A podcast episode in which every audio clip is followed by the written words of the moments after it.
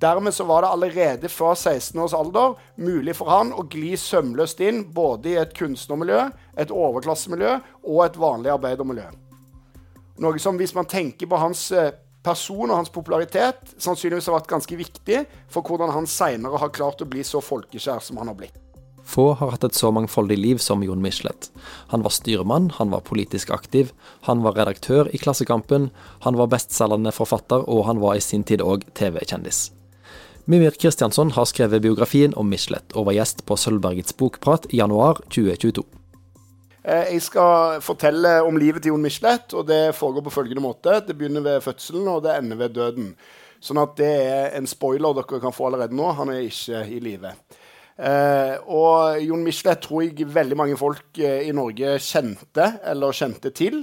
Jeg har møtt utrolig mange mennesker som følte at de kjente han også personlig. I hvert fall har møtt han et par ganger.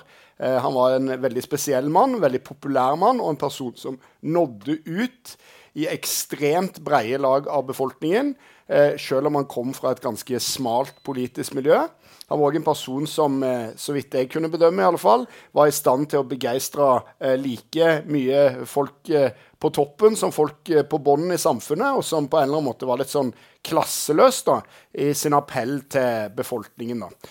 Og han var jo forfatter, han mest kjent eh, mot slutten av livet for eh, disse Sjøens heltbøkene, som er en av de største salgssuksessene i moderne norsk litteratur, og som var et monument over krigsseilerne. Men før det hadde han jo levd et mange tiår langt forfatterliv, eh, der han òg var eh, sterkt politisk engasjert, og for øvrig også en periode både kjendis og en slags eh, eh Damenes Jens i norsk offentlighet. Jon Michelet, han, eh, som dere kanskje hører av eh, Michelet-navnet, så kommer ikke Jon Michelet egentlig fra arbeiderklassen. Sånn at alt dette her bannskapet og bryggearbeideri og sjøkarriere, eh, det på en måte kom til seinere i livet. Eh, Michelet-slekten kom til Norge fra Frankrike på 1600-tallet. De var leiesoldater. Eh, to offisersbrødre. Og på begge sidene av Jon sin familie så var det egentlig sånn fallen storhet. Så det var familier som hadde vært ganske rike, bodd på store herregårder osv., men da sakte, men sikkert egentlig blitt ganske fattige. da, Mista alt. Og Han vokste opp et lite småbruk eh, eh, i Østfold, på Rygge. Eh, Larkollen, nærmere bestemt, som jo er mest kjent for sin store campingplass. Eh, der han vokste opp med sin far og mor. Faren var kunstmaler. Eh, Mora var hjemmeværende, og med besteforeldrene og uten egentlig noe særlig lekekamerater. da. Eh, og allerede fra, Jon, eh, fra, tidlig alder viste jo Jon Michelet et, et, et, et trygt og sikkert politisk instinkt i at han alltid ville være indianer og aldri være cowboy eh, når de lekte. Så allerede fra tidlig alder så var det mulig å skjønne hvor dette skulle bære. Eh, når han var seks år gammel, så flytta han og familien inn til Oslo eh, fordi faren hadde fått tilgang på en leilighet i den nye kunstnerlandsbyen som ble bygd opp på Ekely som er altså i hagene til Munchs gamle atelier på Oslos beste vestkant, og som han hadde donert da, til Oslo kommune. En ganske fascinerende historie, det òg, som dere sikkert kan lese mer om hvis dere vil. Det er jo bare interessant å tenke på at selv i gjenreisningen av Norge i 1945, da, når Arbeiderpartiet hadde rent flertall, og sånn, så var man såpass på en måte kulturinteressert at man faktisk bygde egne eh, kunstnerboliger i Oslo. da. Det tok man seg råd til, til tross for at landet var eh, i akutt boligmangel. Så der vokste Jon opp i et miljø med ungene til andre kunstnere. Så Han husker veldig godt fra barndommen Sosten Krogh, som sikkert noen av dere òg husker. Kanskje mest kjent for min generasjon fra Hotell Cæsar, men det jo litt, uh, gir jo henne en litt urettferdig beskrivelse. Uh, og hun hadde bl.a. i familien til Sosten og Guy Krogh, da, som han het mannen, så hadde de f.eks. en uh, De hadde ikke gressklipper, de hadde en sau. Og den gikk ungene av og til tur med da på Ullern og Montebello, og da var de fine fruene de sa ofte en hund ligner veldig fælt på en sau. eh, og denne kunstnerkolonien var jo sitt egen lille røde dråpe i det som er et utrolig mørkeblått hav. Altså det som er rundt Ekely, Montebello og Ullern Smestad, det er ekstremt borgerlige strøk. Sånn at allerede når de begynte på Smestad skole, der kong Harald òg gikk på skole, f.eks., så var Jon og hans medelever fra kunstnerkolonien kasta inn i et miljø med redersønner. Eh, Jon husker folk som kom til skolen kjørt av farens sjåfør. Eh, den type ting. Og Samtidig så var eh, like ved, på Lilleaker nå er det mye Oslo-geografier, men det skal snart slutte. Så lå det òg et lite arbeidermiljø, som var liksom en rest av en gammel industribebyggelse som hadde vært der, med noen verksteder osv. Så, videre, og så, så i dette lille, merkelige triangelet mellom på en måte kulturradikale kunstnere den ypperste overklassen i Norge og disse arbeidergutta på Lilleaker vokste Jon Michelet opp. Og Grunnen til at dette er litt viktig, er at jeg tror at allerede i løpet av de første årene i livet, altså fram til han var 15-16, så lærte Jon Michelet seg å omgås veldig mange forskjellige typer mennesker. Sånn at Dermed så var det allerede fra 16 års alder mulig for han å gli sømløst inn både i et kunstnermiljø, et overklassemiljø og et vanlig arbeidermiljø.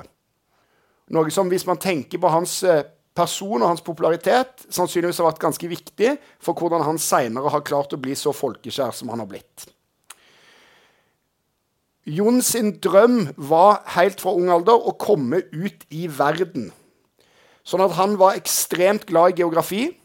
Han gjorde som mange barn eh, gjør. Pugga hovedsteder, elver, øyer, fjell, alle den type ting. Hadde et sånt stort verk som heter Verden vår klode. Var opptatt av å få gå ut og se den store verden rundt seg. Og I tillegg så var han veldig opptatt av å være Marlon Brando. Sånn at Han så en film eh, på Lilleaker kino, eller på Folkets hus, der de hadde kino på Lilleaker, som heter On the Waterfront, eller Storbyhavn. Der Marlon Brando er en bryggearbeider, ung bryggearbeider som står opp mot mafiaen som kontrollerer brygge, eh, brygger der.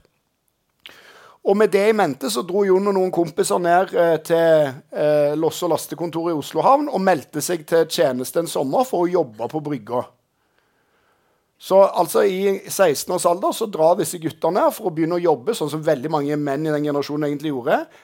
Jobba på slengen, da. Sant? Så du fikk jobb fra dag til dag, og du var litt sånn halvveis med, på en måte. Og der det som skjer med deg, tror jeg, når du jobber på en sånn brygge, og det kommer inn skip fra hele verden, fra Singapore og Hongkong og Buenos Aires og Sydney og San Francisco og New York Når du står der og losser de båtene da, og laster de båtene, så er det jo ganske åpenbart at det er jo ikke på brygga du vil være. Du vil jo være i Singapore, Hongkong og San Francisco og New York. Det er jo der du har lyst til å reise. Og de folka som jobba på brygga, veldig mange av de, de voksne, var jo gamle sjøfolk som hadde kommet i land, stifta familie, og da gikk de i gang med å jobbe på brygga i stedet. Og Det var mange krigsseilere der. Dette var jo eh, 15 år etter krigen ca. Eh, og de hadde mange av de dårlige nerver, ville ikke på sjøen igjen. Mange av de hadde fått hyrenekt i tillegg. Eh, og de hadde problemer med forskjellige ting. Og Jon ble kjent med dette miljøet. Og Da var det en sånn luguber bule i Oslo som het Gullfisken skal ikke spørre hvor mange som har vært der, men det riktige svaret er nei. hvis noen spør. Og der på Gullfisken satt alle havnearbeiderne, og da kom disse gutta her på 15-16 og satt og drakk cola og sånn, og så på at disse folka ble fulle, og fortalte de mest utrolige historier om hvordan det hadde vært på sjøen.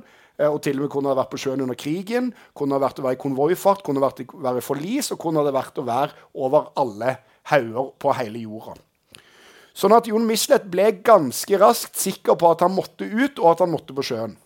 Når han kom tilbake den sommeren fra brygga, så følte han seg som Marlon Brando. Han hadde med seg en del eh, varer som han hadde snausa som dette, stjålet fra de forskjellige båtene og delte ut ananasbokser og nylonstrømper og sånn. Og så hadde han på seg en veldig tøff skinnjakke som han likte godt. da. Problemet var bare at de hadde lasta noe sånn hvalolje på et tidspunkt, og det stinka så fælt, og det satt i den jak jakka. da. Sånn at lærerne var veldig insisterende på at han måtte ta av den jakka i klasserommet. Og det nekta Jon Michelet, og han hadde fra ung alder av et forferdelig temperament. Han kunne klikke helt fullstendig eh, over de minste ting. Og det var stort sett ting han var sur på. Så du kan tenke deg Donald Duck prøver å slå opp en fluktstol. sant? Det er den type ting. Så En rasende person, oppfarende og sånn, med godt humør etter, rask, etter kort tid da igjen. Så fort opp og fort ned. Og han ble rasende, og dette endte i krangel på krangel, og til slutt ble han utvist fra skolen. At I våre dager er det jo helt umulig å bli utvist fra skolen, men på den tida skjedde jo det rett som det var. Og Dermed så var jo planen hans å reise til sjøs, men det å krangle med rektor er jo én ting, det er jo noe annet å krangle med mor si, så det ble han jo nekta. Og dermed så måtte han fullføre eh, å ta artium som privatist. da. Men når det var ferdig, så skulle han få lov til å dra på sjøen. Så 17 år og 362 dager gammel, hvis jeg husker riktig, så mønstrer Jon Michelet på som dekksgutt i Gjevlahavn på en båt som skal med papir til Australia. Og Den båten heter Tomar. Og De som har lest En sjøens heltbøkene, vil vite at det første båten Halvor Skramstad, hovedpersonen der, er på, òg heter Tomar. Og Den båten fantes ikke under krigen, den er bygd etter krigen, men Jon Michelet på en måte, ja, dikta jo litt opp. Sånn.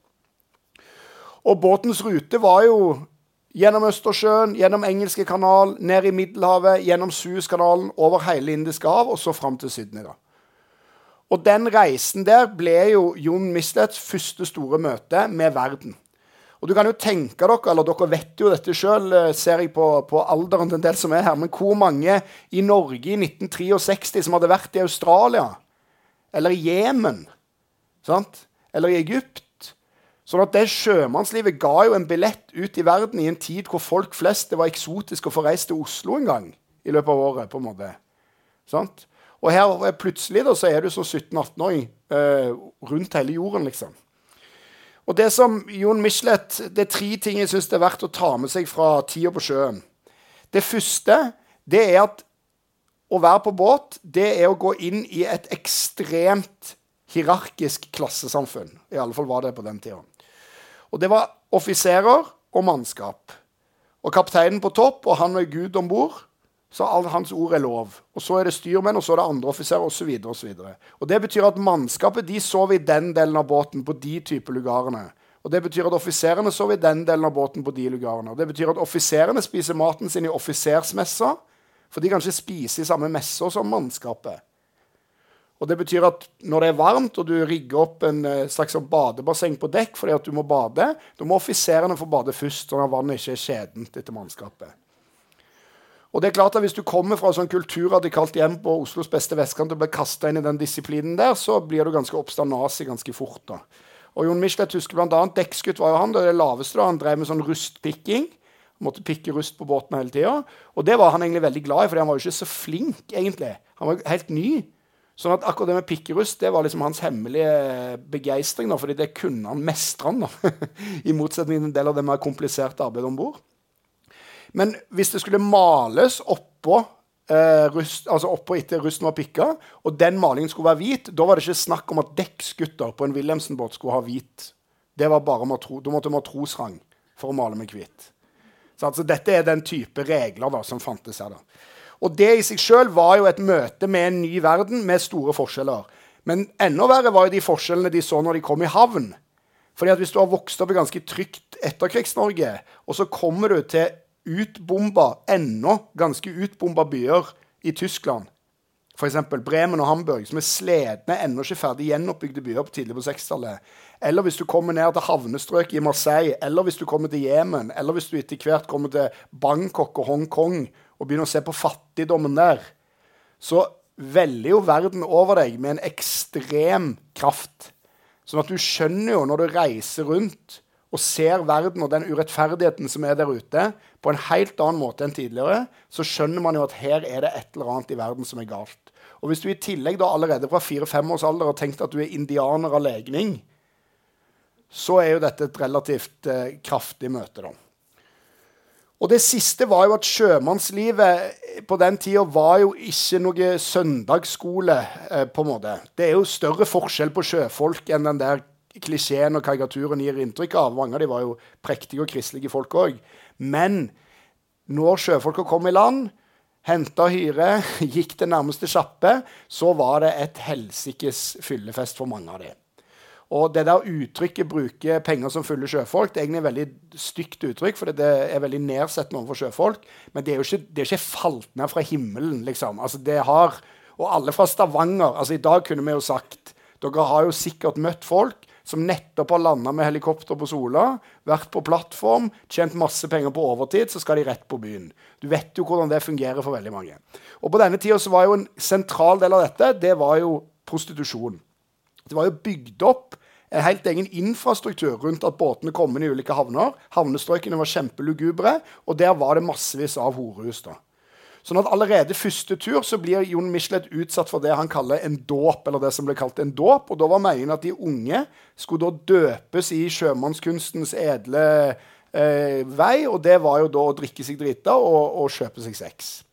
Og Dette var Jon Michelet åpen om hele livet at han hadde gjort. Han mente det var noe å skamme seg over. Han syntes ikke det var bra. Han tok avstand fra det og alt mulig. Men han var heller ikke av den typen som mente at det var riktig å holde kjeft om, eller at det nødvendigvis eh, var mulig å fordømme de som hadde gjort det, uten å forstå hva slags kontekst det her skjedde i. For hvis du er 17 år og dekksgutt på første tur, og du blir dratt med ut på en sånn dåp av de eldre på båten, så skal du jo ha litt i deg da for å stå imot. på en måte. Men dette imaget her, som kommer jo òg til å forfølge Jon Michelet sant? Et, eh, en omgang med alkohol, en omgang med damer, en omgang med slåsskamp, som òg ble en del av hans offentlige image. Og disse sjømannshistoriene her var jo For Jon var jo ærlig om dette, men han var jo ikke bare ærlig om dette. Han smørte jo tjukkere på enn det som var sant. Sånn at når jeg har snakka med hans gamle kamerater, så husker jeg han som en sånn stillegutt. På en måte som ikke gjorde så mye ut av seg, gikk mye og leste. Det er det hans gamle skipskamerater husker. Mens det inntrykket han har skapt av seg sjøl, er jo bare at det var helt hekkan liksom alltid. da. Men det var, nok, eh, det var nok et sted midt mellom det, for å si det sånn. Men så, etter en stund på sjøen, så begynner jo sjøen plutselig å virke som et fengsel. Og det er litt interessant, for når du seiler ut, skal oppleve verden. Du av på en måte det fengselet du har vokst opp i. Du kan se hele eh, verden. Og det er liksom friheten er å se havet foran seg. Men sakte, men sikkert så sitter du jo bare på en båt. da. Og en båt og en lugar er jo til forveksling likt en fengselscelle og et fengsel. Og du går fram og tilbake over den samme ruta, og du har vært i de havnene før. Og du er et par dager på landlov, men stort sett er du jo på båten. Og så skjer det jo ting i verden. Sånn at det Jon Michelet etter hvert, da, for han går jo på offiserskole, blir styrmann, og så etter hvert er han på en båt som heter Borgland. Og når han er der, så skjer det to ting med han. Det første er jo at han forsiktig begynner å skrive. Sant? Han begynner å skrive små noveller som dessverre ikke er tatt vare på. Han skriver en dagbok som er tatt vare på, som er sånn eh, mann, ung mann i eksistensiell på en måte undring over hva han skal gjøre med livet sitt. Men det andre er jo at du begynner jo på en måte å ta inn verden rundt deg, akkurat som du har gjort når du har kommet til havnene, men nå plutselig på en annen måte. Fordi at midt på 60-tallet, eller hvis du kommer her med framme i 66-67, så begynte jo plutselig verden å endre seg ekstremt fort. Koloniene gjorde jo opprør. Det var full krig i Vietnam. Kulturrevolusjonen i Kina var på vei. Det var et studentopprør på vei i hele Vest-Europa, med Paris i 68 som liksom kulminasjonen med generalstreik og alt mulig. Og den samme bølgen var jo òg i Øst-Europa med Tsjekkoslovakia i 1968 med forsøk på å bryte ut av dette her stalinistiske regimet der. Og mens alt dette skjer i verden, og alle disse nyhetene kommer inn på radioen til Borgland, så sitter jo styrmann Jon Michelet og fanger ute på havet. Og får ikke være med på noen ting. Studentopprør eller geriljakrig eller hva han drømte om å være med på. sant? Sånn at han går jo i land og innrullerer seg da som journalist på Journalisthøgskolen i Oslo. Og det, Da er jo mer et ønske plutselig om å bli med i politikken. Men Jon Michelet er ikke på dette tidspunktet noe kommunist. Sant? Før han drar til sjøs, så er han med på en demonstrasjon i Oslo der han og en kamerat skal male fritt Angola på fortauet utenfor Portugals ambassade. Det er sånn som man tror når man er 16, at det vil folk i Angola sette pris på. Også, men de blir tatt av når de er kommet til fritt Angol, så det blir bare stående fritt Angol der på fortauet lenge. Og så er han litt med i et sånn Arbeiderpartilag som blir ekskludert fra Arbeiderpartiet, for det er litt sånn uh, ulike ymse meninger om Nato der. Og så, etter han kommer hjem og begynner på Journalisthøgskolen, så blir han litt med i SF, altså forløperen SV. Og NKP og sånn har han ingen respekt for, for han har vært i noe, eller har respekt for NKP, da, men, men Øst-Europa har han ingen Den modellen har ikke respekt for, for han har vært i sånne polske havnebyer og vet at det ikke er noe å trakte etter. Sånn at på en måte han er liksom en slags fri radikaler. da. Ikke noe som er utprega. Men SUF og alt dette, det som skal bli AKP, det holder jo på. Men han blir ikke fanga av det da. Nei, Det han derimot blir fanga av, er jo en dame der, da. Som eh, han, blir hans første kone, som han får barn med. De blir gift. Og når de er ferdig på Journalisthøgskolen, så flytter de til Tromsø. Sånn at på en måte, Nå er vi tidlig på 70-tallet. Eh, eller slutt, helt på 76-tallet. 69, vel. Og Jon Michelet er ferdigutdannet journalist. Han får jobb i Nordlys. Han skal være med som en av de mange unge menneskene på den tida som flytter til Tromsø. Og den perioden der i Tromsø er ganske spesiell. fordi at På ene sida er Tromsø i ferd med å bli en moderne by for universitet, for teater. alle disse tingene her. På den andre sida er det fortsatt på en måte en levning av en sånn eh, fisker- og pelsjeger- og polartid. Sånn at når, du går på, liksom, når Jon Michelet går på Max-kjelleren i Tromsø, da, hvis noen har vært der, så sitter det jo da under de utstoppa isbjørnene som står på Max-kjelleren, så sitter det jo sånne pelsjegere og forteller om hvor mange isbjørn de har drept på Svalbard og på Bjørnøy osv. Så, det er jo en ganske fascinerende og magisk plass. da, Det er det jo for så vidt i dag ennå, men den tida var en veldig brytningstid. da. Han får som sagt jobb i Nordlys, som det er en arbeiderpartiavis. Og på den tida der så var jo det eh, partipress i Norge. Og Det betydde at avisene skulle følge linja til partiet som eide de. Så var noen partier litt løsere på den andre, men Arbeiderpartiet var ikke blant de partiene som var løsere enn andre. for å si det sånn. Så det var ganske streng og striks. Alt går galt her nå. Neida. Det var ganske streng og striks disiplin. Og allerede før han begynte, ble det ansett som et problem at han var SF-er eller hadde tilknytning til SF. For det var kanskje suspekt da, at en som var liksom SV-er, på en måte jobba i en Arbeiderparti-avis. Og Særlig handla disse konfliktene da i Norge om sikkerhetspolitikk. Sant? For Arbeiderpartiet var jo ekstremt sterke forsvarere av Nato, av på en måte vestblokken.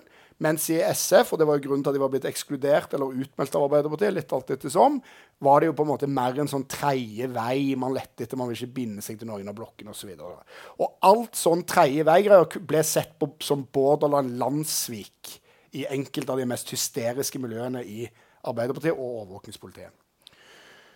Sånn at Jon Michelet han fikk begynne der, og han var jo en dyktig journalist. han selvfølgelig, og Reiste på reportasjetur og var med på hvalfangst og var med på isbjørnjakt og holdt på med alt dette her. Eh, men ganske raskt så begynte det å, å, melde seg en del problemer mellom han og Nordlys. Han var jo som kjent en ekstremt temperamentsfull fyr. så Blant annet så fins det et hull i veggen på Nordlys etter en stol som Jon Michelet har skylt inn i veggen i raseri over eh, en eller annen krangel på et morgenmøte. Eh, men Nordlys-ledelsen var ikke så veldig sånn tolerante med folk som mente andre ting. Så det var en ganske interessant eh, Det var dobbelthet her, da. Sant? Jon Michelet var både helt ustyrlig og klarte ikke å forholde seg til vanlige regler. Og eh, avisledelsen eh, stilte krav om politisk lojalitet, som i dag framstår helt spesielle. Da. Det var særlig to ting som ble konflikten mellom Jon Michelet og Nordlys. Det første var at Jon Michelet begynte å samle inn penger for å få reist en statue av Ho Chi Minh i Tromsø. Og Bakgrunnen for det var at Jon Michelet og kona var flytta inn i en leilighet i Winston Churchills vei. Og det syntes Jon Michelet var helt forsmedelig, fordi Winston Churchill var jo en imperialist, og hvordan han hadde behandla inderne og Så, videre, og så, videre. så han måtte reise en statue av en antiimperialistisk helt. Og fordi han hadde vokst opp i denne kunstnerkolonien, så kjente han jo noen som kunne lage en skulptur. Så den bysten fins jo av Ho Chi Minh. Eh, og jeg har egentlig lekt det med tanke på at jeg skal prøve å få satt den opp i Tromsø nå, som minner om Jon Michelet. Men jeg vet ikke om det går gjennom. da. Men han sto jo da og samla inn penger hver lørdag på Storgata og ble liksom en sånn bykjendis. da, sant? Byoriginaler. Sto ved siden av Frelsesarmeen og samla inn penger til sitt gode formål. da. Men i Nordlys så var jo dette med Ho Chi Minh han var jo i krig med USA, og USA var jo på en måte Norges garantist for sikkerhet, så dette var jo ikke helt, helt innafor. Og den andre store striden som eh, fikk satt dette forholdet mellom Jon Michelet og sin arbeidsgiver på spissen, var kampen om norsk EF-medlemskap. Fordi at i Nord-Norge på den tida, og for så vidt den dag i dag, var det jo et ekstremt stort nei-flertall. Så det var jo det. Det var jo fiskeriene, distriktene osv. Men Nordlys var jo en Arbeiderparti-avis, og Arbeiderpartiet var for EF. Og Derfor var Nordlys for EF. Og det måtte Nordlys være. Og var de sikkert de som jobba der òg. Men Jon Michelet var jo mot DF. da. Og det la han jo ikke skjul på. Og det la han faktisk så lite skjul på at på en demonstrasjon som endte opp utenfor redaksjonen til Nordlys, så klatra Jon Michelet opp på et oljefat og holdt en tale hvor hovedsaken i talen var å ta et oppgjør med alle løgnene som sto på trykk i Nordlys. Og det var jo aviser der Jon Michelet jobba. Og Selv om han hadde hatt mye problemer med aviser, og sånn før, så hadde han jo hatt støtte fra alle kollegene sine, men liksom motstand fra ledelsen. Men akkurat nå begynte jo plutselig de kollegene òg å synes at det ble litt mye av dette her. Sånn at dette endte med at han fikk sparken. da. Og det er ikke noe sånn enormt justis mot, mot han det. Du kan ikke, Jeg har vært uh, nyhetsredaktør i en avis sjøl. Du kan ikke ha en journalist i avisa som står utenfor avisa og sier at alt som står i avisa, er løgn. Det lar seg jo bare ikke gjennomføre. Men på den andre sida så skal man jo huske at den meningssensuren og de, de tvangstrøyene som lå i uh, de Arbeiderparti-avisene på den tida, de var ganske voldsomme. Og i Nordlys blant annet var det jo flere folk som var i kontakt med overvåkingspolitiet, som bidro til å tipse om det. Det er jo helt absurd å tenke på i dag. Men bidro til å tipse overvåkingspolitiet om sine egne kolleger. Når disse kollegene kunne vise seg å ha meninger som kanskje gikk litt i retning av å mene noe annet enn at uh, alt med Sovjet var galt. liksom. Sånn at på en måte, der var jo Det Jon Michelets første egentlig, kontakt med overvåkingspolitiet på alvor kommer i den nordlysperioden. Og da er han sannsynligvis registrert av en eller annen i Nordlys. da. Og det rare var jo at når Jon Michelet mista jobben, så hadde det allerede inntruffet en annen katastrofe i livet hans, nemlig at kona hadde gått fra han og tatt med seg ungen. Og dette eh, skjedde, ifølge Jon Michelet, så kom det som lyn fra klar himmel. Han hadde vært ute på reportasjetur på noen hvalfangst, kom hjem, venta å treffe eh, kona og dattera. De hadde reist, lagt inn en lapp. Og det er jo sånn man kan tenke at det er liksom som Uff, så forferdelig at det kan skje med deg og sånn. Men hvis du er hvis du, hvis du virkelig ikke har skjønt noen ting når kona di plutselig går fra deg en dag uten å Altså, du har, du ikke merka noe til at noe er galt. Da er det også grunn til å tro at det er kanskje noe galt med deg, da. Eh, og der er vi inne på et paradoks i Jon Michelets liv. Han var ekstremt åpen om seg sjøl, snakket om alle ting. Eh, horehusbesøk, alkohol, angst senere i livet, dårlig helse. Holdt nesten ingenting hemmelig, men var veldig taus i livets indre forhold, har han sagt sjøl. Og han var utrolig imøtekommende og vennlig mot alle som fremmede som han møtte. Og kanskje ikke alltid like god til å lytte til de som var tett på han. Og dette er nok en ganske typisk sånn motsetning som fins hos mange kjente folk, men i dette tilfellet vil jeg si at det var ganske ekstremt. da. Men nå hadde jo alt gått galt i livet, da, kort fortalt. Mista kona. Mista ungen, eller hun hadde reist med kona. Og mista eh, jobben i Nordlys. Og i tillegg eide jo Nordlys både bilen og leiligheten hans, så da var jo alt på en måte tapt. Og da var Jon Michelet klar for å bli med i AKP. Sånn at Det er jo en historie både om en person som blir gradvis radikalisert politisk, er begeistra for Ho Chi Minh, blir først kasta ut av Arbeiderpartiet sammen med et sånt gymnaslag før han reiser på sjøen, og så sparka i nordlys bl.a. pga. politisk uenighet, men ikke bare. Og så blir han mer og mer radikal. Men på den andre sida er det jo òg en klassisk sånn radikaliseringshistorie om en mann i krise som liksom mister kona og mister jobben, og plutselig så er du interessert i å bli med i noen sånne revolusjonære greier. sant? Så det er litt interessant historie. da. Og Jon kom til dette litt seinere enn andre. Han var òg eldre enn de fleste andre AKP-erne og mer erfaren i livet, i det minste. Hadde vært styrmann. Hadde hatt uh, kone og barn. Var liksom på en måte voksen på en måte som mange av de andre AKP-erne uh, på den tida ikke helt var blitt. da. Og AKP skal ikke vi ta hele historien om, men veldig kort fortalt så var AKP da et politisk parti som brøt ut av SF på et revolusjonært grunnlag. Altså at man mente at SF var for, eh, for puslete. Det er en slags forløper til det som er Rødt i dag. Men på 70-tallet så var det på en måte revolusjon i Norge. Proletariatets diktatur. Maoismen, som var ledestjernen. Veldig mye plakater med Mao og Stalin og sånn. Eh, og samtidig et fluepapir på utrolig mange flinke og interessante og merkelige mennesker som i dag fins i alle slags posisjoner rundt omkring i samfunnet. Fagbevegelse, eh, Litteratur-Norge, Kultur-Norge generelt eh, osv. Og som klarte, til tross for at medlemstallet var ganske lite, og oppslutningen eh, ganske liten i folket, å få til utrolig mye. da. Blant annet så bygde de opp forlaget Oktober, som er et av de mest anerkjente skjønnlitterære forlagene i Norge i dag. altså Det er forlaget til Knausgård og Tore Renberg, f.eks.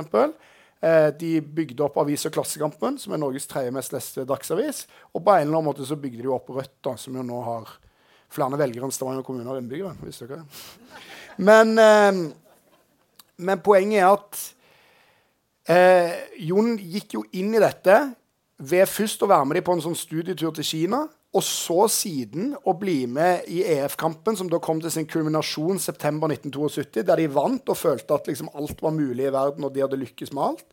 Og etter det så ble han da sentral i å bygge opp det som var Oktoberbokhandlene og Forlaget Oktober. Og Egentlig skulle han være sjåfør, og han kom ned på kontoret der i oktober og sa jeg er den nye sjåføren. Hvor er bilen? Og da svarte han som satt der, vi har ikke bil. Og så sa vi har bil. Nei, vi har ikke bil, du får skaffe bil. Ok, eh, Hva er lønna? Vi har ikke lønn. Og Dette er en morsom historie, men den er litt betegnende for ML-bevegelsen. den veldig tidlig fasen. Senere skulle mye av ML-bevegelsen bli ganske traurige greier. Veldig veldig streng moral. Minner litt om sånn bedehusbevegelse. Men de første årene så var ML-bevegelsen ganske sånn fargerikt og mangfoldig og litt sånn anarkistisk opplegg. Til tross for at man gikk med Mar-plakater og sånn, så var på en måte de tusen blomster som blomstra, for å si det med Mar. Og Jon han ble en del av å bygge opp dette forlaget sakte, men sikkert. Men han hadde jo sjøl òg en forfatter i magen. Og når han nærma seg 30, så så han med bekymring på at han ikke var liksom kommet i gang da, skikkelig som forfatter. Og var mer og mer usikker på hvordan han skulle få til det. Og sant, for å si det da, Mange av de samtidige forfatterne der Edvard Hoem for eksempel, han ble nominert til Nordisk råds litteraturpris da han var 24. Og Espen Håvardsson var ansatt som konsulent i Gylden da han var 22. Og Dag Solstad fikk et festskrift til 30-årsdagen sin. Så de folka de var veldig tidlig voksne. Men Jon Michelet han litt bakpå med skrivingen. Og han hadde dårlig litterær sjøltillit, og det hadde han hele livet. Så det er viktig å huske at gjennom hele livet var Jon Michelet livredd for kritikere og trivdes veldig dårlig i litterære sammenhenger. Og Grunnen til det var jo at han skrev utpreget populærlitteratur og ikke egentlig sånn høyverdig nok litteratur. Og han følte seg alltid dårlig behandla, og det gjør alle forfattere, så det var ikke noe spesielt. Men han følte seg dårlig behandla, men han ble òg i tillegg delvis dårlig behandla. Sånn at uh, han ble på en måte undervurdert fordi at han var uh, for folkelig i stilen. Da. Han er undervurdert fordi han var folkelig i stilen. Men Plutselig så kommer jo en krimkonkurranse til hans unnsetning, der Gyldendal da utlyser konkurranse for krim. Og Jon setter seg ned, han skriver en krimroman, sender inn får brev tilbake. Der står det at han ikke har vunnet, og han får et av sine voldsomme raserianfall. Og når han har rast fra seg da i 20-30 minutter, så oppdager han at det står med veldig liten skrift nederst på brevet, men vi trykker boka likevel. Eh, og dermed så kom Jon ut med boka 'Den drukna ei som hengeskall', der man så vidt uh, møter Wilhelm Tygesen, som jo skal bli hans sentrale krimfigur. Og Det påbegynner jo et langt liv som krimforfatter. Og fram til 'Sjøens helt'-bøkene kom ut, så var Jon Michelet kjent som forfatter, som krimforfatter. Og Tygesen-bøkene de er jo annerledes enn en del moderne krim ved at de er utprega politiske. Og etter modell fra det svenske ekteparet Sjøvald og Valø, for det er det det er kopiert fra. Og det var han som brakte dette til Norge, så Jon Michelet har æren for den nyvinningen i Norge så er på en måte kapitalismen som er skurken i Jon Michelets bøker. Sant? Det er ikke Alle de som er skurker, de er egentlig bare produkter av samfunnet. Og jeg eh, mora meg, for jeg er veldig glad i Jo Nesbø, så jeg mora meg her om dagen med å, å skrive litt om forskjellen på Jo Nesbø og Jon Michelet. fordi at Jo Nesbø han er det alltid sånn at de skurkene de er helt galne. liksom. Det er alltid et, et, et eller annet forferdelig har skjedd med dem i barndommen. Eller de har en veldig sjelden sykdom som gjør at de må drepe folk. Altså Det er alltid noe sånn. Så, eller de har noe sånn vampyrisme. altså Det er helt sånne utrolig spesielle diagnoser. da. Men hos Jon Michelet er det jo egentlig parodisk i omvendt retning. sant? Skurken er egentlig aldri skyld i noe som helst, han er bare offer for kapitalismen. og det betyr at alle, altså liksom alle som helst, Folk kan nå som helst begynne å drepe noen hvis de får avslag på å bygge fritidsklubb i kommunen. Liksom. Altså det, så det er på en måte begge deler litt komiske, men det viser to veldig veldig forskjellige retninger da, i krimlitteraturen. Hvem er forbryteren, liksom. Sånn at da slo Jon igjennom som krimforfatter. Han var veldig produktiv. Det begynte å komme flere og flere bøker, og han ble ganske raskt også veldig kjent. Og han ble kjent av to grunner. Det ene var bøkene. Eller tre grunner. da. Det ene var bøkene. Det andre var hans på en måte vesen og måte å være på, som gjorde at alle journalister var glad i å intervjue han, og at han kom på en måte, ja, han hadde alltid et sitat på lager, da, for å si det sånn. Og det tredje var jo at han var en av de veldig veldig få i AKB som var offentlig som stemme for AKB. For på den tida var man redd for overvåkningspolitiet, og det hadde man delvis god grunn til, men man smørte jo tjukt på òg. Så man opererte jo med dekknavn og hemmeligheter og alt mulig. Og i Klassekampen så var ingen av artiklene signerte. Bortsett fra hver lørdag var det signert en spalte av Jon M. som heter 'Slik vi ser det'. Og den logoen til den spalten slik vi ser det er helt utrolig komisk. Det er et øye, og så inni pupillen er det hammer og sigd. Slik ser vi det. det er jo utrolig skremmende, egentlig. Men poenget var at han skrev den spalten, og dermed ble han for mange ansiktet til AKP. da. Og han var jo populær, var godt likt blant folk, nådde ut til alle samfunnslag, skrev krim som folk kjøpte og likte, og dessuten var vinnende vesen som folk hadde lyst til å være med og identifisere seg med. Og da skulle man jo tro at folk i AKP var veldig fornøyd med det, men nei. Det var akkurat det de ikke var. Fordi Jon Michelet kom ganske raskt på kant med det som fra 75 utover begynte å bli et mye strengere regime i hvordan AKP-erne skulle oppføre seg og leve i tråd med kommunistiske idealer og prinsipper. Og Det finnes mange eksempler på dette. her, men altså, Typisk er jo det at Jon Michelet ble jo veldig tidlig beskyldt for eh, karrierisme og individualisme, som var to store kardinalfeil. Og det som han skriver sjøl, det var han jo helt skyldig i, det, så han var enig i det. Men å måtte ta ofte sjølkritikk, som var en spesiell øvelse de hadde, der man måtte sjøl, sammen med de andre, da, innse hva feil man hadde gjort, og beklage på en måte på en ektefull måte, og ta sjølkritikk og dermed bevege seg videre.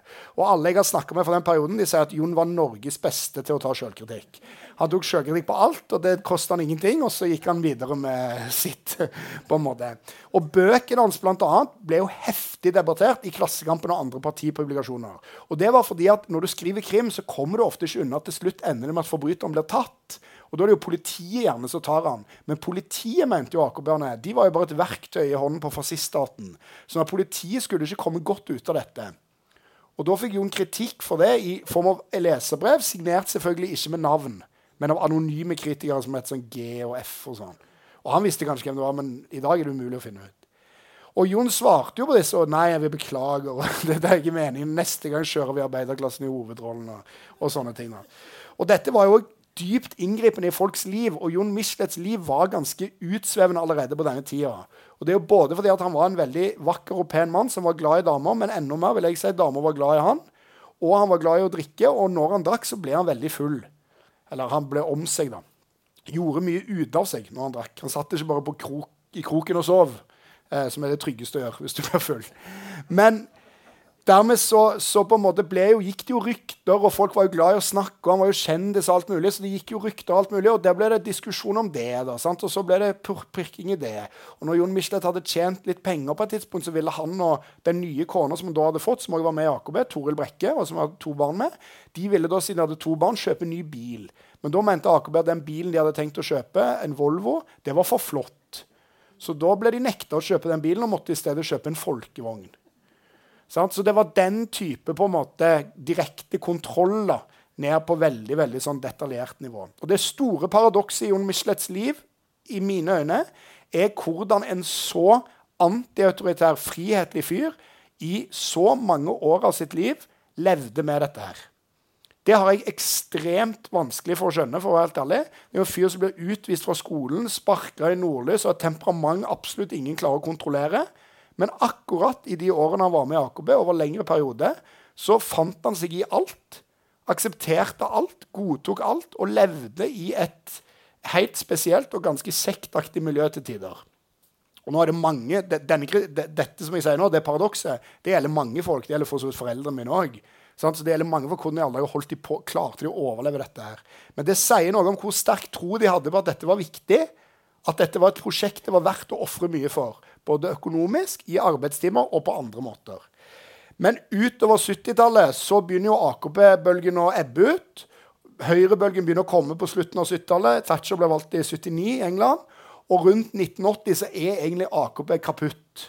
Og da er egentlig det partiet, eller ML-bevegelsen, er allerede da i en oppløsningsfase som den aldri reiser seg fra. Og så fins det rester og sånn av den i dag, og noe av den fins i rødt og sånn. Men fra 1980 og ut så er det egentlig lange lange perioder med dødskramper, da, faktisk. Og rundt 1980 så bryter jo òg Jon Michelet ut av ML-bevegelsen. Og det er viktig å understreke at han tar aldri noe politisk oppgjør på den måten som en del har gjort. Og det gjør han ikke på noe tidspunkt i livet. Så han forblir liksom lojal mot partiet. og, og var, altså Et par uker før han døde, sendte han siste mailen til Bjørnar Moxnes med noe skryt av han. sant? Sånn at han på en måte er hele veien en, en, på, en måte på den samme politiske linja. Men han lar seg ikke fra 1980 ut lenger styre av partiet. Han gjør det han vil. Og så får partiet bare si sitt i ettertid. Og de bøkene som da kommer tidlig på 80-tallet, de er jo hans beste krimbøker. Disse 'Hvit som snø', 'Den gule djevelens by' osv. Og, så og da åpner det seg jo en ny verden for Jon Michelet. fordi når han er frigjort fra denne tvangstrøya som partiet har vært, og i å kontrollere hva han skal skrive om, så begynner han å skrive mye åpnere, blir mye friere, og han når òg ut til et mye bredere publikum, blir mye mer akseptert i breie lag av befolkningen. Og utover første halvdel av 80-tallet så blir Jon Michelet for første gang en av Norges aller mest kjente personer. Altså, en av aller, Norges aller største kjendiser. Og ikke minst så blir han jo eh, et slags sexsymbol. Og hvis Altså, jeg har lest, og vi, dere ville vært flaue, dere òg, hvis dere hadde lest disse intervjuene som veldig mange, særlig kvinnelige må jeg si, journalister, gjør med Jon Michelet på 80-tallet. Og det er sånn, Han har gitt ut en bok og skal intervjues om den boka. Og Halve intervjuet handler om hvor utrolig eh, pen han er. Sant? Og hvor utrolig fin den barten hans er, og hvor utrolig eh, kokosnøttbrun han kan være. Og det er hele veien sånn at Han har så utenlandsk eller sydlandsk utseende som går igjen. da. Sant? Og det er, det er, ganske kleint å lese, men det sier noe om hans posisjon. Og han elsker det jo, altså, bare så det er sagt. Så seinere i livet syns han noen av disse tingene ble plagsomt, men til å begynne med så elsker han det. Oppsøkte jo dette. Så han er ikke noe offer for dette. Han, han likte det godt. Men han blir mer og mer kjent og mer og mer av en sånn kjendisfigur som vokser utover bøkene og i seg sjøl blir en mye større person enn bøkene. Og et veldig godt eksempel på det er at Jon Michelet på en merkelig måte klarte å havne eh, som hovedpersonen i den norske kulturkrigen om såpeserien Dynastiet. Og Da satt Jon Michelet i Kringkastingsrådet, der han var oppnevnt av, av eh, en Høyre-statsråd fordi at de heller ville ha en morsom akerbær enn en kjedelig SV-er, som de sa. Og, og, der, og der, eh, Da hadde ikke Jon Michelet TV, sånn at han krevde å måtte få TV fra NRK for å sitte i Kringkastingsrådet. Og der satt han, og så kom Dynastiet. da, og Det var ekstremt stor forandring i Norge når Dynastiet kom. For det var den første amerikanske såpeserien, og noe sånt har man aldri sett på norsk TV. Og Jon Michelet var selvfølgelig han var 100% imot det.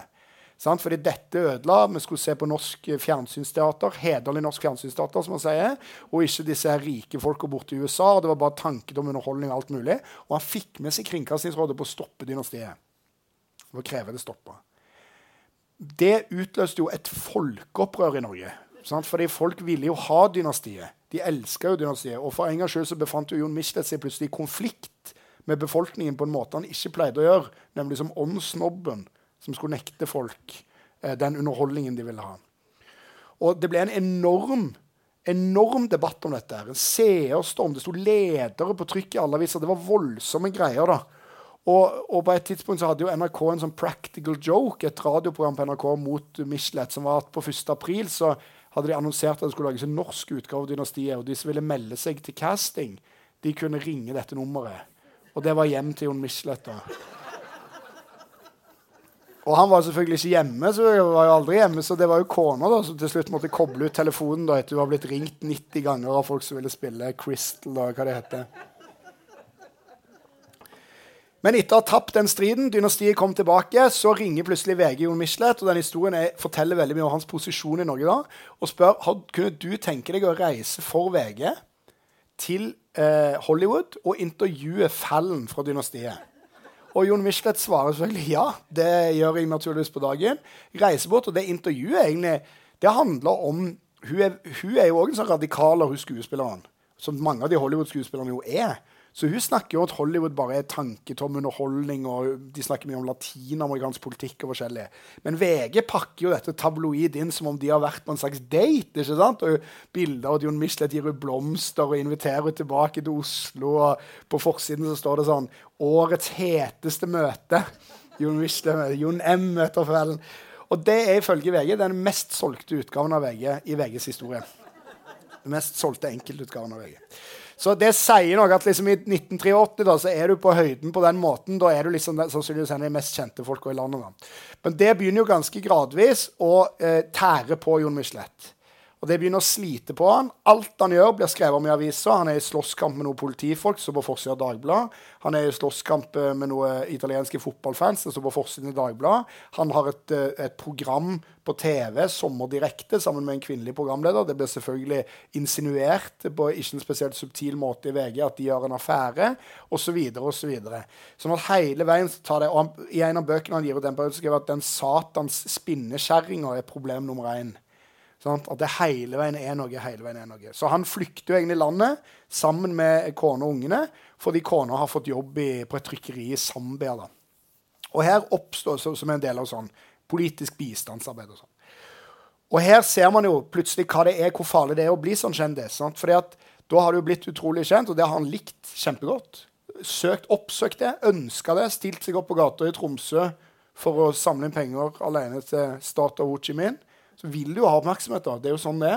Og så går det, og så plutselig begynner det å tære på deg, og du klarer ikke å se noe annet enn bare deg sjøl. Og så drar du, da. Stikker. Melder meg ut, på en måte. Men da begynner han jo å savne det. da. Det er jo jævla slitsomt å sitte der i Zambia, og kona er på jobb, og han gjør ingenting. Skal bare sitte og skrive. Ingen bryr seg om han. Sånn at Han er jo vant til at alle bryr seg om han.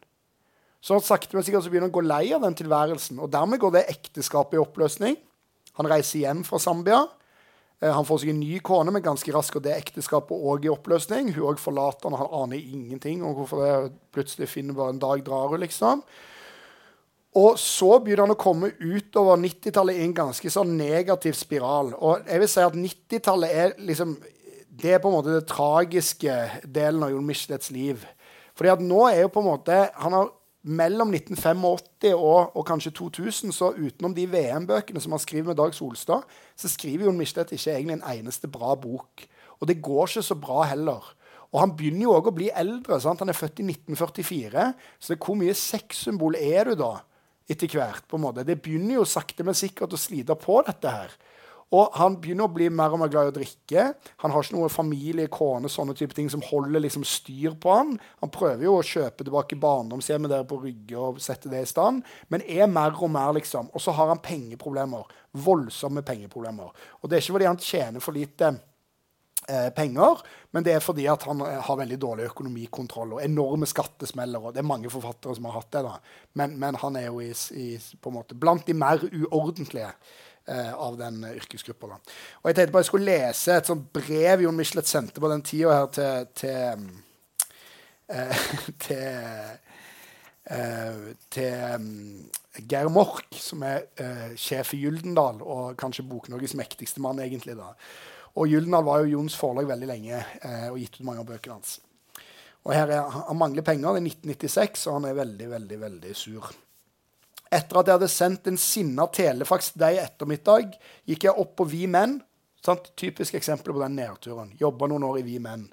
Så ikke at det var dårlig, altså, men det er åpenbart at det er ikke førstevalget heller. Gikk jeg opp på Vi Menn for å hente post som ennå kommer dit. I bunken lå lønns- og trekkoppgaven fra Gyldendal Norsk Forlag. Den blidgjorde meg ikke, for å si det mildt. Kopi ligger vedlagt. Tallet i rubrikk 41 for utbetaling til selvstendig næringsdrivende er dårlig leselig, men det skal altså være 620. Ta det tallet innover deg, mann. Tenk jævla nøye på det tallet, kamerat forlagssjef. 620 kroner var altså, forfatt, var, var, var altså hva forfatteren Michelet tjente på Gyldendal i fjor. Det er like mye som du tjener fra du kommer på kontoret en morgen til du får lagt beina på bordet. Så ramser han opp alle bøkene han har gitt ut på Gyldendal. OK. Kanskje mitt forfatterskap er steindødt på Blindern. Kanskje alle bøkene i Gyldendal har av meg på backlist ikke lenger er noen storselgere. Kanskje ditt og kanskje datt. Men forfatterskapet står ennå ganske sterkt blant folk flest. Det burde være mulig å gjøre noe med det i en situasjon der min sentrale romanfigur er sett på TV av 750 000 innbyggere. Det er Tygesen en snau fjerdedel av befolkningen. Men hva i det mest hestepikkforpulte horehelvete gjør Gyldendal? Ikke en dritt. 620 kroner. Det er ikke engang peanøtter. Det er peanøttskall som noen har gugga ut på fortauet og tråkka til smuler. Det forlaget som ikke greier å gjøre mer ut av en såpass stor portefølje, kan i lengden ikke være mitt forlag. Jeg finner meg rett og slett ikke i å bli behandlet som en ikke-person av snobber og duster i Gyldendal. Hvis ikke Gyldendal får ræva i gir, bryter jeg enhver forbindelse med Gyldendal. Dvs. Si jeg trekker hele mitt forfatterskap, så kan dere sitte der og leke butikk. Med enda mer rasende, eitrende hilsen Jon Michelet. Og dette to, forteller jo to ting. Det forteller jo en fyr som trenger penger, men det er jo òg noe med hele måten han reagerer på det, og hele måten Jon Michelet var på. Og han var jo veldig kjent. Hvis dere tenker en annen figur han på mange måter ligner på, er det kaptein Haddock i Tintin. Eh, et enormt sånn temperament og et voldsomt sånt vokabular av skjellsord. De døtrene har fortalt utrolig mye om Særlig når de kjørte bil. Man hata å kjøre bil, og særlig å sitte i kø. Og når de kjørte bil, man, da var det alltid et flom av skjellsord. Og da var det alltid sosialdemokratiets feil at det var kø. Og, og, det var ikke minst det uttrykket han alltid brukte fast, det var de sosialdemokratiske sneglepulerne eh, sin feil at han sto i kø. Men altså Dette er på en måte virkeligheten utover 90-tallet. Ikke familie, går trått med bokskrivinga osv. Han blir plutselig på et tidspunkt kalt inn for å være redaktør i Klassekampen. Det er en helt egen historie, jeg skal ikke si så mye om det, men han blir redaktør i Klassekampen. Er det noen år, strammer seg litt opp, tar seg sammen. Men så etter det så blir han syk, han får hjerteproblemer, får operert en sånn mekanisk hjerteklaff, han får prostatakreft. Eh, Riktignok så skjer det jo et lyspunkt her i at hun, eh, Toril Brekke, hans eh, tidligere kone, blir gift med han igjen. Altså De finner sammen. Det vil si, de prøver å gifte seg igjen, men får da opplyst fra myndighetene om at de ikke har klart å skille seg den forrige gangen. Sånn at eh, de er allerede gift, så det er jo greit. Um, og, men hei, altså det er ganske triste greier, ikke sant? Og, og folk Alle er redd for å dø, men Jon Michelet var veldig redd for å dø. Og alle er jo redde for sykdom, men Jon Michelet var veldig redd for sykdom. Og han var nesten sånn hypokonder. på en måte. Altså han, reagerte, han ble veldig fanga i den prostatabehandlingen. Og jeg tror mye av det, hvis jeg skal psykologisere litt, da, handler jo om at Jon Michelet veldig mye av, av, livet sitt hadde bygd hele personen sin på, at han, på kroppen sin. Altså, det er jo ikke bare det at han var veldig pen og flott mann, og det syns mange, og osv., men det var jo òg det at han har vært bryggesjauer og dratt på storviltjakt og vært en sånn Hemingway-figur. Og så plutselig da begynner du på blodfortynnende medisin, og så synker du sammen og legger deg ut. og det, Jeg ser for meg at det hadde ikke plaga Dag Solstad så mye. på en måte. Sant? Altså det, Samme det, å bare sitte og skrive, liksom. Men, men for Jon Michelet så er det der òg noe sånn eksistensielt plagsomt. da. Så det er ganske triste greier. Og egentlig så, så, begynner han å få dårlige kritikker for de bøkene han begynner å skrive, og de selger nesten ingenting, og det går nedover og nedover med det. Sånn at han er ganske trygt parkert nede i Obos-ligaen blant norske forfattere liksom til slutt. Og da er jo på en måte, Det er jo her egentlig den historien skal ende. At han blir eldre og eldre, og vennene hans dør rundt han, og så dør han. Men det som er rart med Jon Michelet, er at det ikke er det som skjer. Det rare med Jon Michelet er at på slutten av livet så skjer det plutselig en enorm kraftanstrengelse som gjør at han leverer sitt livsverk de siste syv-åtte årene av sitt liv. Og helt fra Jon Michelet dro på sjøen, så har jo havet vært det sentrale i livet hans. Og det å skrive om havet har vært det store, opplagte målet. Og han prøver på slutten av 70-tallet å gi ut sitt storverk, som han kaller det sitt livsverk. Og det sier han jo sjøl. Sånn var jo Michelet alltid. Når han skulle gi ut bok, så var det aldri noe sånn 'gå stille i dørene'. Det var det sånn 'Denne boka vinner nobelprisen vår'. Det er helt ekte sitat. Så, det, så sånn Denne boka kommer til å selge 100 000 hvis ikke jeg henger med. Så det er helt så absurde ting. Men da var det selvfølgelig studio med brask og bram inni selve boka. Dette er mitt livsverk, liksom. Det er jo bare, det er så set up to fail at det er ikke mulig å få det til. Og Det var, skulle være første bind i en trilogi om seilskutetida og om en sånn gulsottfeber som herja norske sjøfolk i Santos i Brasil. Og Den boka heter 'Tiger Bay'. Eh, og Den kommer ut, og Jon er strålende fornøyd. og Han går en morgen på jobb i Klassekampen der han jobber da, og åpner aviser som han ikke har fått tid til å lese siden han er småbarnsfar før han kommer på jobb. Og Der står det anmeldelse av boken hans. og Den er signert Dag Solstad, og det er en slakt. Det er en fullstendig slakt. Så Tiger Bay blir da fullstendig slakta i hans egen avis av hans egen kompis. Og så er det jo sånn med Dag Solstad at Hvis han mener noe om litteratur, så mener fort alle andre i Norge det samme om litteratur. Så Det som står i Dag Solstads anmeldelse, det er snart å lese i Dagbladets anmeldelse og i Morgenbladets anmeldelse, selv om de sikkert tror at de har funnet på det sjøl. Og dette går inn på Jon. Han reiser fra pulten, rømmer jobben i flere dager, er på en voldsom fyllekule. Skriver sjøl etterpå at han på et tidspunkt har ligget naken, eh, naken, i snøen og grener på Tryvann. Og er liksom Skriver aldri bind to og bind tre. Gir opp dette her. Gir opp den store sjømannsromanen. Dette på slutten av 70-tallet. Parallelt med dette har han jo hatt en annen stor idé, nemlig å skrive om krigsseilerne. Og allerede midt på 70-tallet har Jon Michelet sagt til Jens Bjørneboe, som han har truffet på byen, at han drømmer om å skrive om krigsseilerne. Og i bøkene om Tygesen og en del av de andre bøkene så er det krigsseilerfigurer ganske ofte. Noen ganger perifert, og andre ganger ganske sentralt og han prøver jo òg i den perioden midt på 2000, altså første tiår av 2000-tallet, og skriver han litt om en, Han skriver noe, um, noen sånne sakprosabøker om norske krigsselgere. Ikke selger spesielt godt, men de er helt greie, liksom. Og så nå skal han begynne, da tenker han, å skrive en, en, et stort verk om krigsselgerne. Nå føler han seg, mener han, verdig til det. Det har han ikke følt seg verdig til før. Han ble liksom det er to ting som på en måte får han i gang. Det ene er frykten for at alle krigsseilerne skal dø før han i det hele tatt kommer i gang. Og de fleste av de er jo allerede døde når han er i gang. Og det andre er jo at datter og Marte eh, og hennes mann Ali de er ganske involvert eh, i på en måte de planene Breivik omtaler hun Marte veldig mye i sitt, eh, i sitt eh, manifest. Og han Ali er på Utøya eh, og skal holde foredrag den dagen. Og dette er med på å liksom vekke Jon opp fra den der litt halvmedisinerte dvalen som han er i.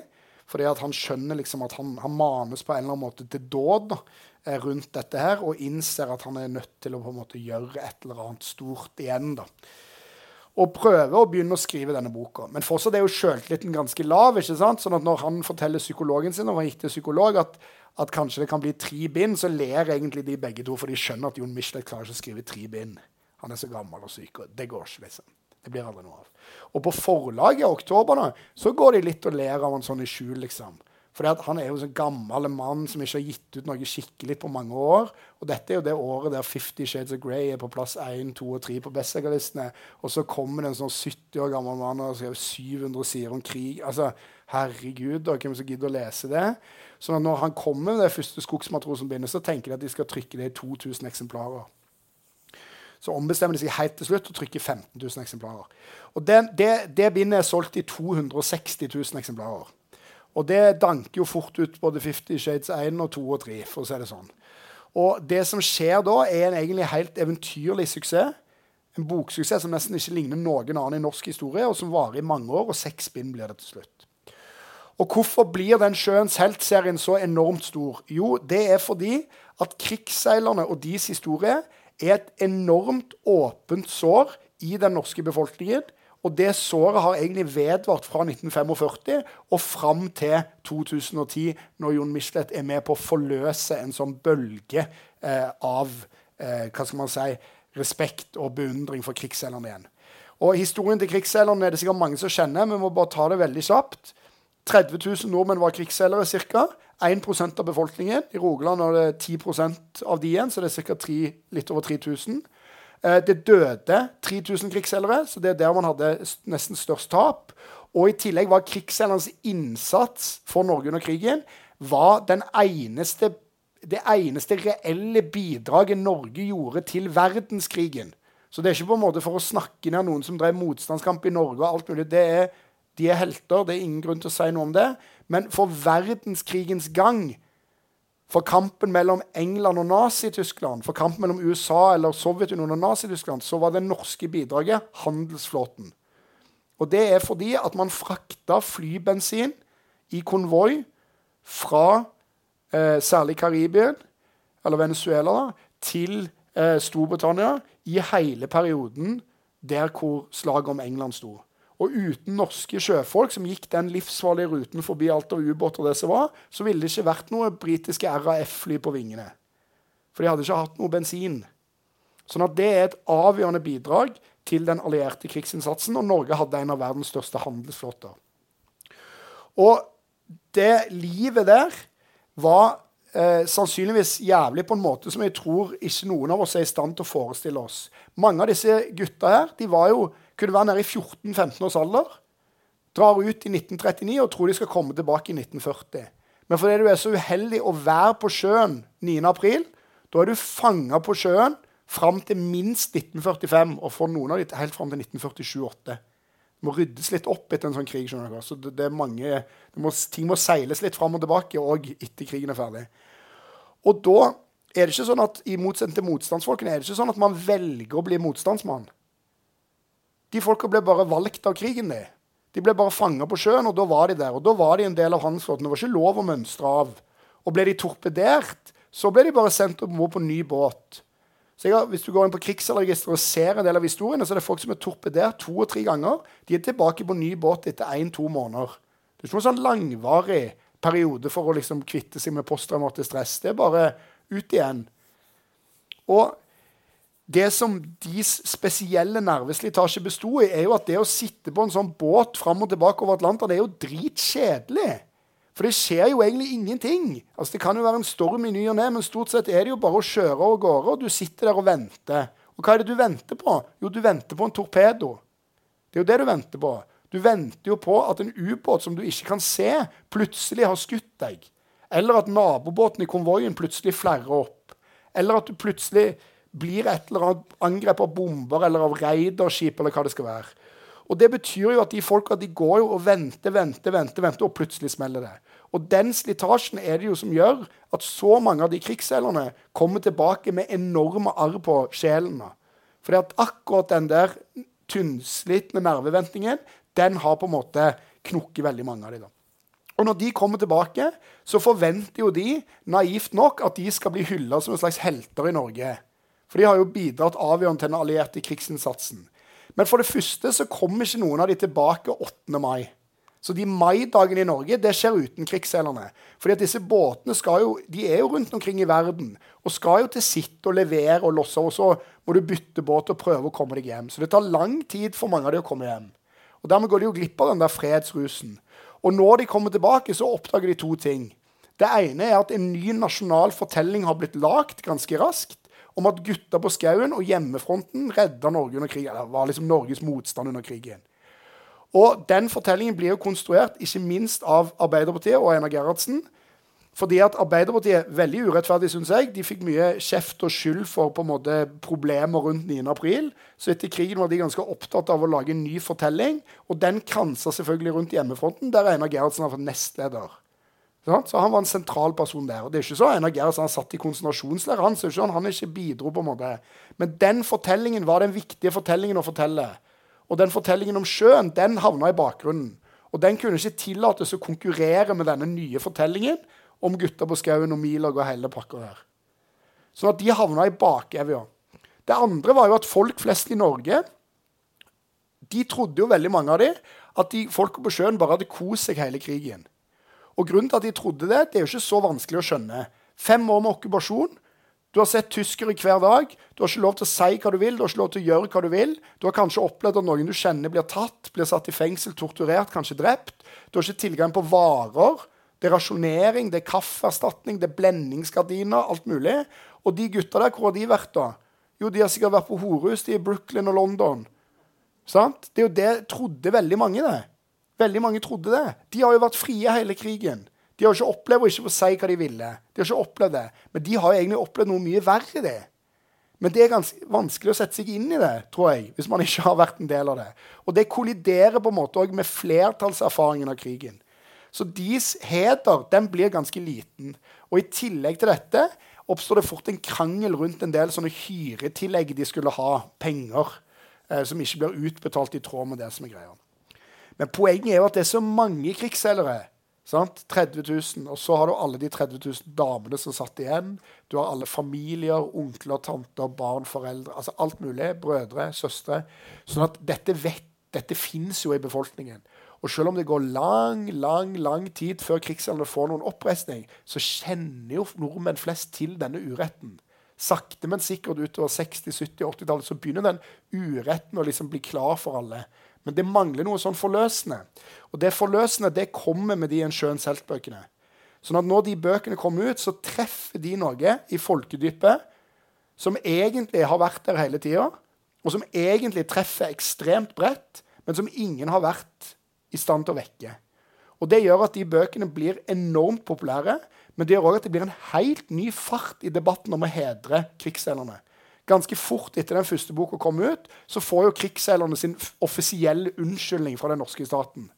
I 2013. Det er jævla seint, altså. Og nå er jo vi i gang i Stavanger med å bygge et krigsseilermonument i Stavanger. Det er jeg veldig glad for, men det er 2022, altså. Det døde sikkert 200 folk fra Stavanger som krigsseilere. Sånn at den ideen om at liksom at, det, at det venter, man venter 70-80 år på det, liksom, det er ganske spesielt. Og men sakte, men sikkert så begynner dette her å melde seg. Og det er i hvert fall i mine øyne Jon Michelets på en måte egentlige livsverk. er at Når den boka og de bøkene kommer ut, så blir det et monument over krigsseilerne som løfter deres innsats fram i lyset på en måte som ikke hadde vært mulig uten den innsatsen som, som han legger ned i de bøkene. Så er jo det som melder seg ganske raskt, fordi bøkene vokser jo vokser jo. Skulle ha ett bind, skulle ha to bind, nå blir det seks bind. Og underveis dette så blir Jon sykere og sykere. Og det blir et bokstavelig talt et kappløp med døden om å bli ferdig med den siste boka. Da har han fått tilbakeslag på tilbakeslag med kreft. Og så det, rett siste jula før han dør, så kaller han forleggeren til seg og sier vi må lage en plan for hva som skjer hvis jeg dør før det aller siste boka blir ferdig. Og så sitter han da på palliativ avdeling på Rygge sykehjem, og han kan ikke lenger skrive på tastatur. Han må skrive for hånd. Og familien de får knapt kontakt. Altså Han er helt i sin egen verden. Han er utrolig neddopa på medikamenter, smertestillende, er kjempesyk. Men han skriver og skriver og skriver og skriver. Og utrolig nok så kommer han i mål. De siste linjene på en Folkets helt er skrevet bare rett før han døde. Nei, en skjøt selv. Og han blir da ferdig med dette siste bindet akkurat i tide til han dør. Og det er òg en, en, veldig Altså, jeg har sagt at jeg Det går ikke an å lage Hollywood-film om Jon Michelet, for det er for lite troverdig. At alt skal ordne seg sånn på slutt. Det ender på den måten, og det er rørende. og alt mulig. Men det er altså virkeligheten. Og jeg tenkte bare jeg skulle avslutte med å lese epilogen fra boka, som er fra begravelsen, eller om begravelsen til Jon. Og den går sånn. April er i ferd med å velge seg bort, og mai er i lufta allerede. Siden 1170 har Rygge kirke stått der, men sjelden har steinveggene sett et lignende opptog. Til kirka stimler de sammen, ikke akkurat noen Guds utvalgte flokk, men en salig røre av troende og ikke-troende. Her er de, Edvard Hoem og Dag Solstad, Gunilla og Toril. Politiske våpenmødre fra AKP, Klassekampen og Oktober. SV-leder Audun Lysbakken og Rødt-leder Bjørnar Moxnes. Naboer og venner, og døtrene, selvfølgelig. Tanja, Marte, Ellen og Stella med sine barn og kjærester.